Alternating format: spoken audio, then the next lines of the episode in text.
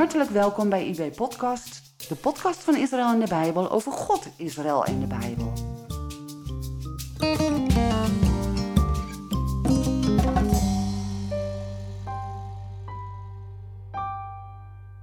Mijn naam is Jacqueline Lohman en ik ben vandaag weer in Haskamp en weer in het huis van Pieter Siebesma.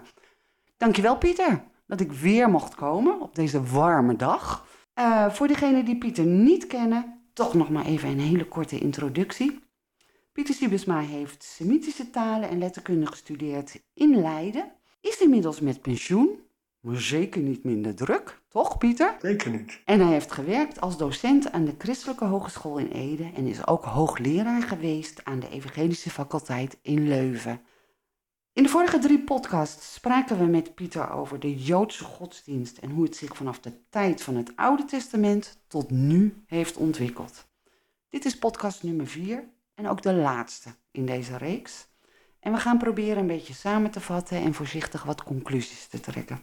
Pieter, in de eerste podcast hebben we het gehad over de vraag waarom veel christenen zich aangetrokken voelen tot het Jodendom en waarom sommigen van hen ertoe overgaan om zich aan bepaalde Joodse wetten en gebruiken te houden. Jij staat daar negatief tegenover, hè? Klopt dat? Nee, uh, ik sta er niet per definitie negatief tegenover. Ik heb er wel wat vragen bij, maar uh, negatief, dat hoop ik toch niet. Want ik kan het me namelijk heel goed voorstellen. Want laten we eerlijk zijn, als we vandaag de dag een, uh, op zondag een kerkdienst bezoeken, dan zien we ook een heel groot verschil tussen ja, hoe zo'n dienst gaat en de eerste eeuw uit de tijd van de handelingen. Ik vraag me af als Petrus of Paulus een eh, Rooms-Katholieke dienst zouden bijwonen, of een reformatorische dienst, of een evangelische dienst, dat maakt niet uit. Dan zouden we denk ik ook wel moeten wennen en wel heel veel niet herkenbaar zijn. Dat je dan terug wilt naar de tijd van Jezus is heel begrijpelijk. Maar dat is een beetje mijn moeite. Als we het huidige Jodendom als normatief gaan nemen, maken we dan niet dezelfde fout.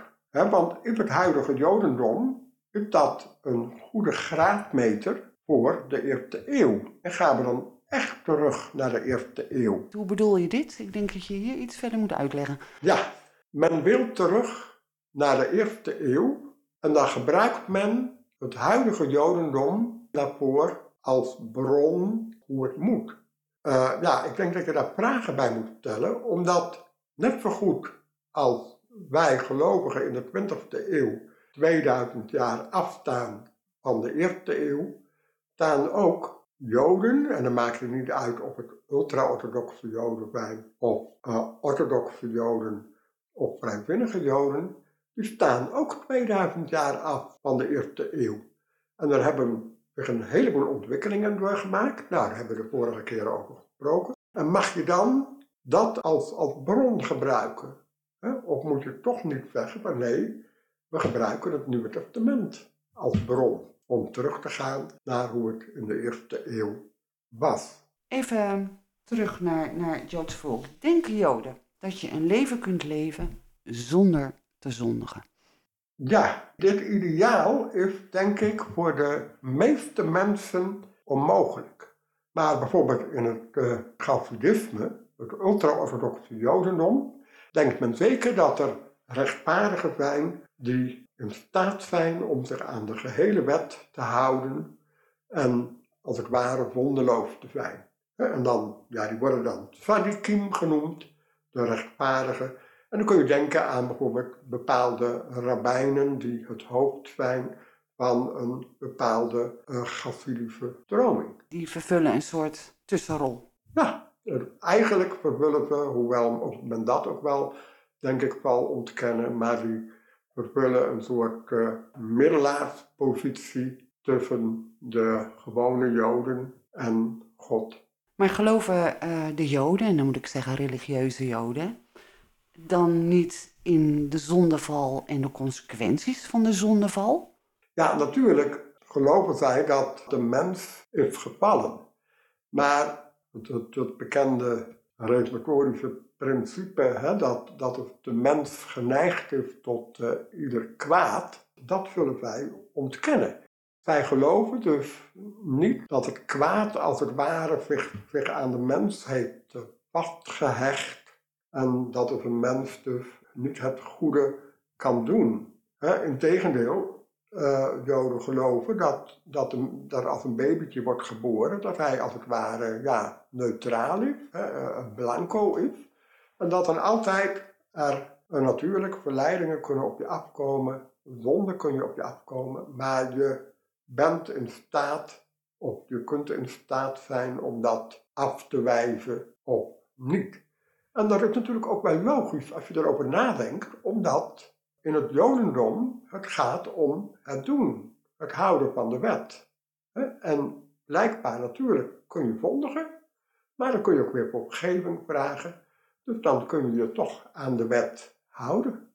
Ja, en door je zo dicht mogelijk bij de wet, de mondeling en de schriftelijke wet te blijven, blijf je ook zo dicht mogelijk bij van wat de Heere God van je wil. Is, ja, is dat... ja, het heeft te maken met de visie op de heiligheid van God. God is heilig. Wij moeten ook heilig zijn. Hoe zijn wij heilig? Nou, Joden zullen zeggen uh, door precies te leven zoals God dat van je vraagt. En we hebben ook uh, ja, alles voorhanden waaruit we dat kunnen leren. De Misna, de Talmud, de latere geschriften die erop gebaseerd zijn. Uh, er staat precies hoe je als Jood moet leven. Ja, maar gaat dat ook niet een klein beetje op voor orthodoxe christenen? Die zich vasthouden aan allerlei regels, instellingen. Tuurlijk, ook wij worden opgeroepen om heilig te zijn, omdat God heilig is. Maar ik denk dat dat bij christenen toch anders, laat ik het zeggen, behoort te zijn. Door uh, wat wij ook als evangelische christenen geloven, dat je door een wedergeboorte een nieuwe schepping kunt worden. De nieuwe mens die leeft in jou. Wat betekent dat? Dat je ja, de oude mens voor dood moet houden en je moet richten op de nieuwe mens. Eigenlijk kun je zeggen dat terwijl het sleutelwoord bij de Joden leven volgens de voorschriften, zou het sleutelwoord bij christenen te behoren zijn, leven in overgave aan God. Hè, en je te laten leiden door de Heilige Geest die in je woont en door het woord van God. Hè, dan is het veel meer overgave. Want in wezen hebben natuurlijk Joden en christenen hetzelfde probleem. De Bijbel geeft geen antwoord op alle vragen die we hebben. Het leven wordt steeds complexer. er komen steeds meer dingen op ons af, waarvan we ons afvragen hoe, hoe moeten we ons daartoe verhouden. Ultra-orthodoxe Joden en orthodoxe Joden zullen dat, ja, daarvan zullen de rabbijnen met elkaar bestuderen en dan op basis van wat er in de Torah staat, de mondelinge wet, de Mishnah, de Talmud staat, zullen ze dan regels voor formuleren die voor iedereen eigenlijk van toepassing zijn. En wij zullen zeggen, wij geven ons over aan eh, God en God zal je ook daarin leiden. Veel meer dan zullen wij ruimte overlaten dat die leiding voor de ene persoon anders kan zijn dan de leiding voor de andere persoon. Als we het hebben over wetticisme bij Joden, dan is het leven volgens boeken waarin alles is voorgeschreven. Als we het hebben bij ons, corrigeer me als ik het verkeerd zeg Pieter, is het leven volgens regels waarvan wij geloven dat God dat van ons vraagt. En jij zegt ook van, het is een kwestie van overgeven en, en God zal je uiteindelijk ook op heel veel fronten ook duidelijk maken wat hij van je wil. En dat doet hij onder andere door de Bijbel. Zeg ik het zo goed of is dat te simplistisch? Ja, nou, misschien als ik nog even een aanvulling mag geven. Kijk, over een heleboel Bijbelse principes denken Joden en christenen hetzelfde. Kan ook niet anders, Dat hè? kan ook niet anders, hè? want bijvoorbeeld, nou ja, iemand vermoorden mag niet. Overspel plegen mag niet. Nou, gelukkig eh, zijn de wetten in dit land zo dat dat ook van de regering en van de, eh, eh, ja, van de grondwet en van de wetten niet mag. Hè. Dus, daarover, dat is gewoon heel, heel duidelijk.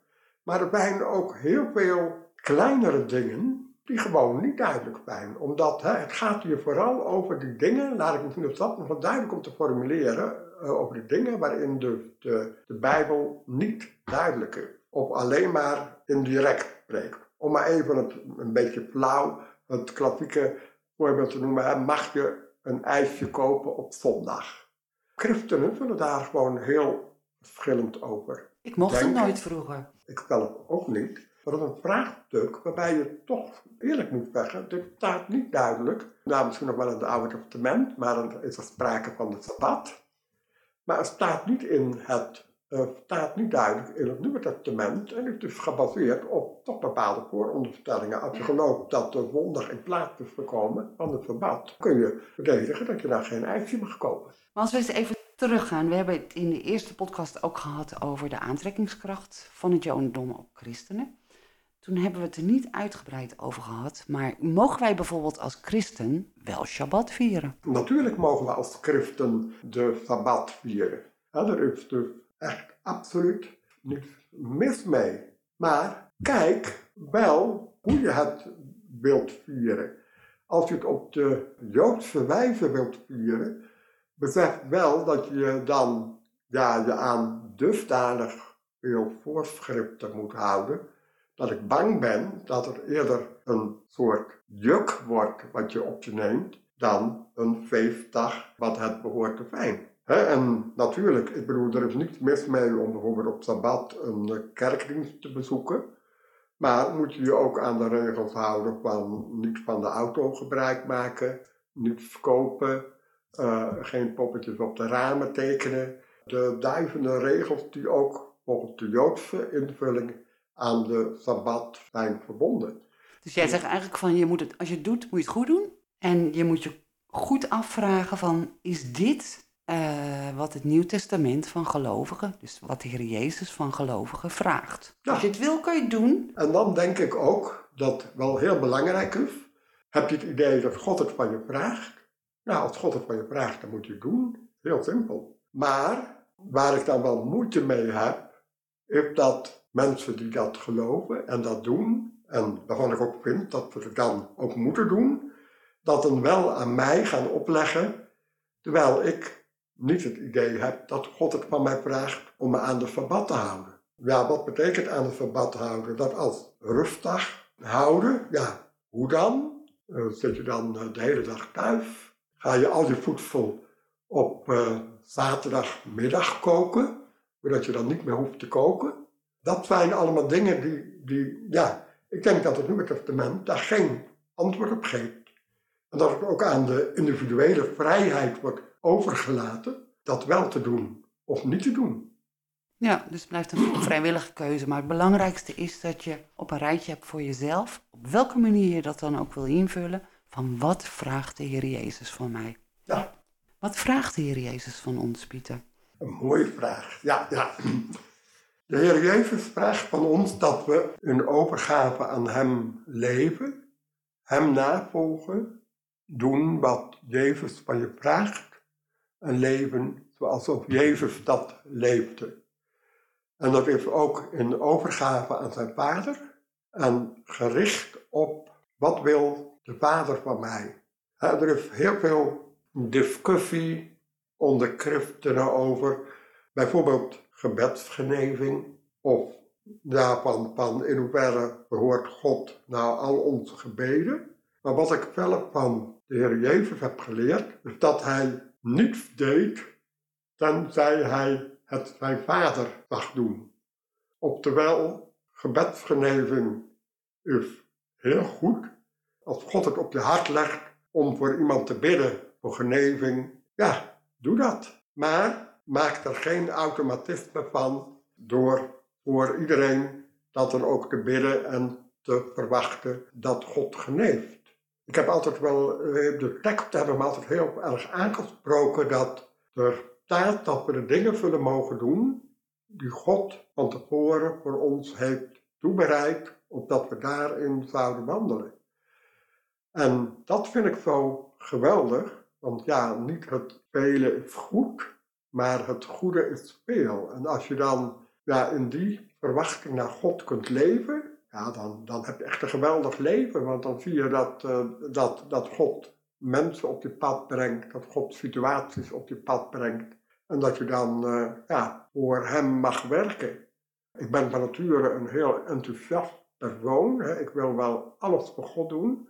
Maar ik heb ook moeten leren om dat God niet van me vraagt om alles te doen. Want Hij weet wat ik aan kan. Hij weet wat ik niet aan kan.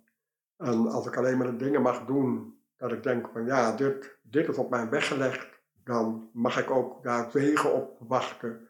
Niet op basis van mijn eigen prestaties of op basis van mijn eigen handelen, maar van wat God geeft. Ja, en op basis van wat Hij heeft voorbereid. Ja. ja. Ik denk dat dat mooi is om mee af te sluiten. We hebben inmiddels vier podcasts opgenomen. Je hebt ons meegenomen naar het Jodendom in het Oude Testament in de tijd van de Heer Jezus en tot en met nu.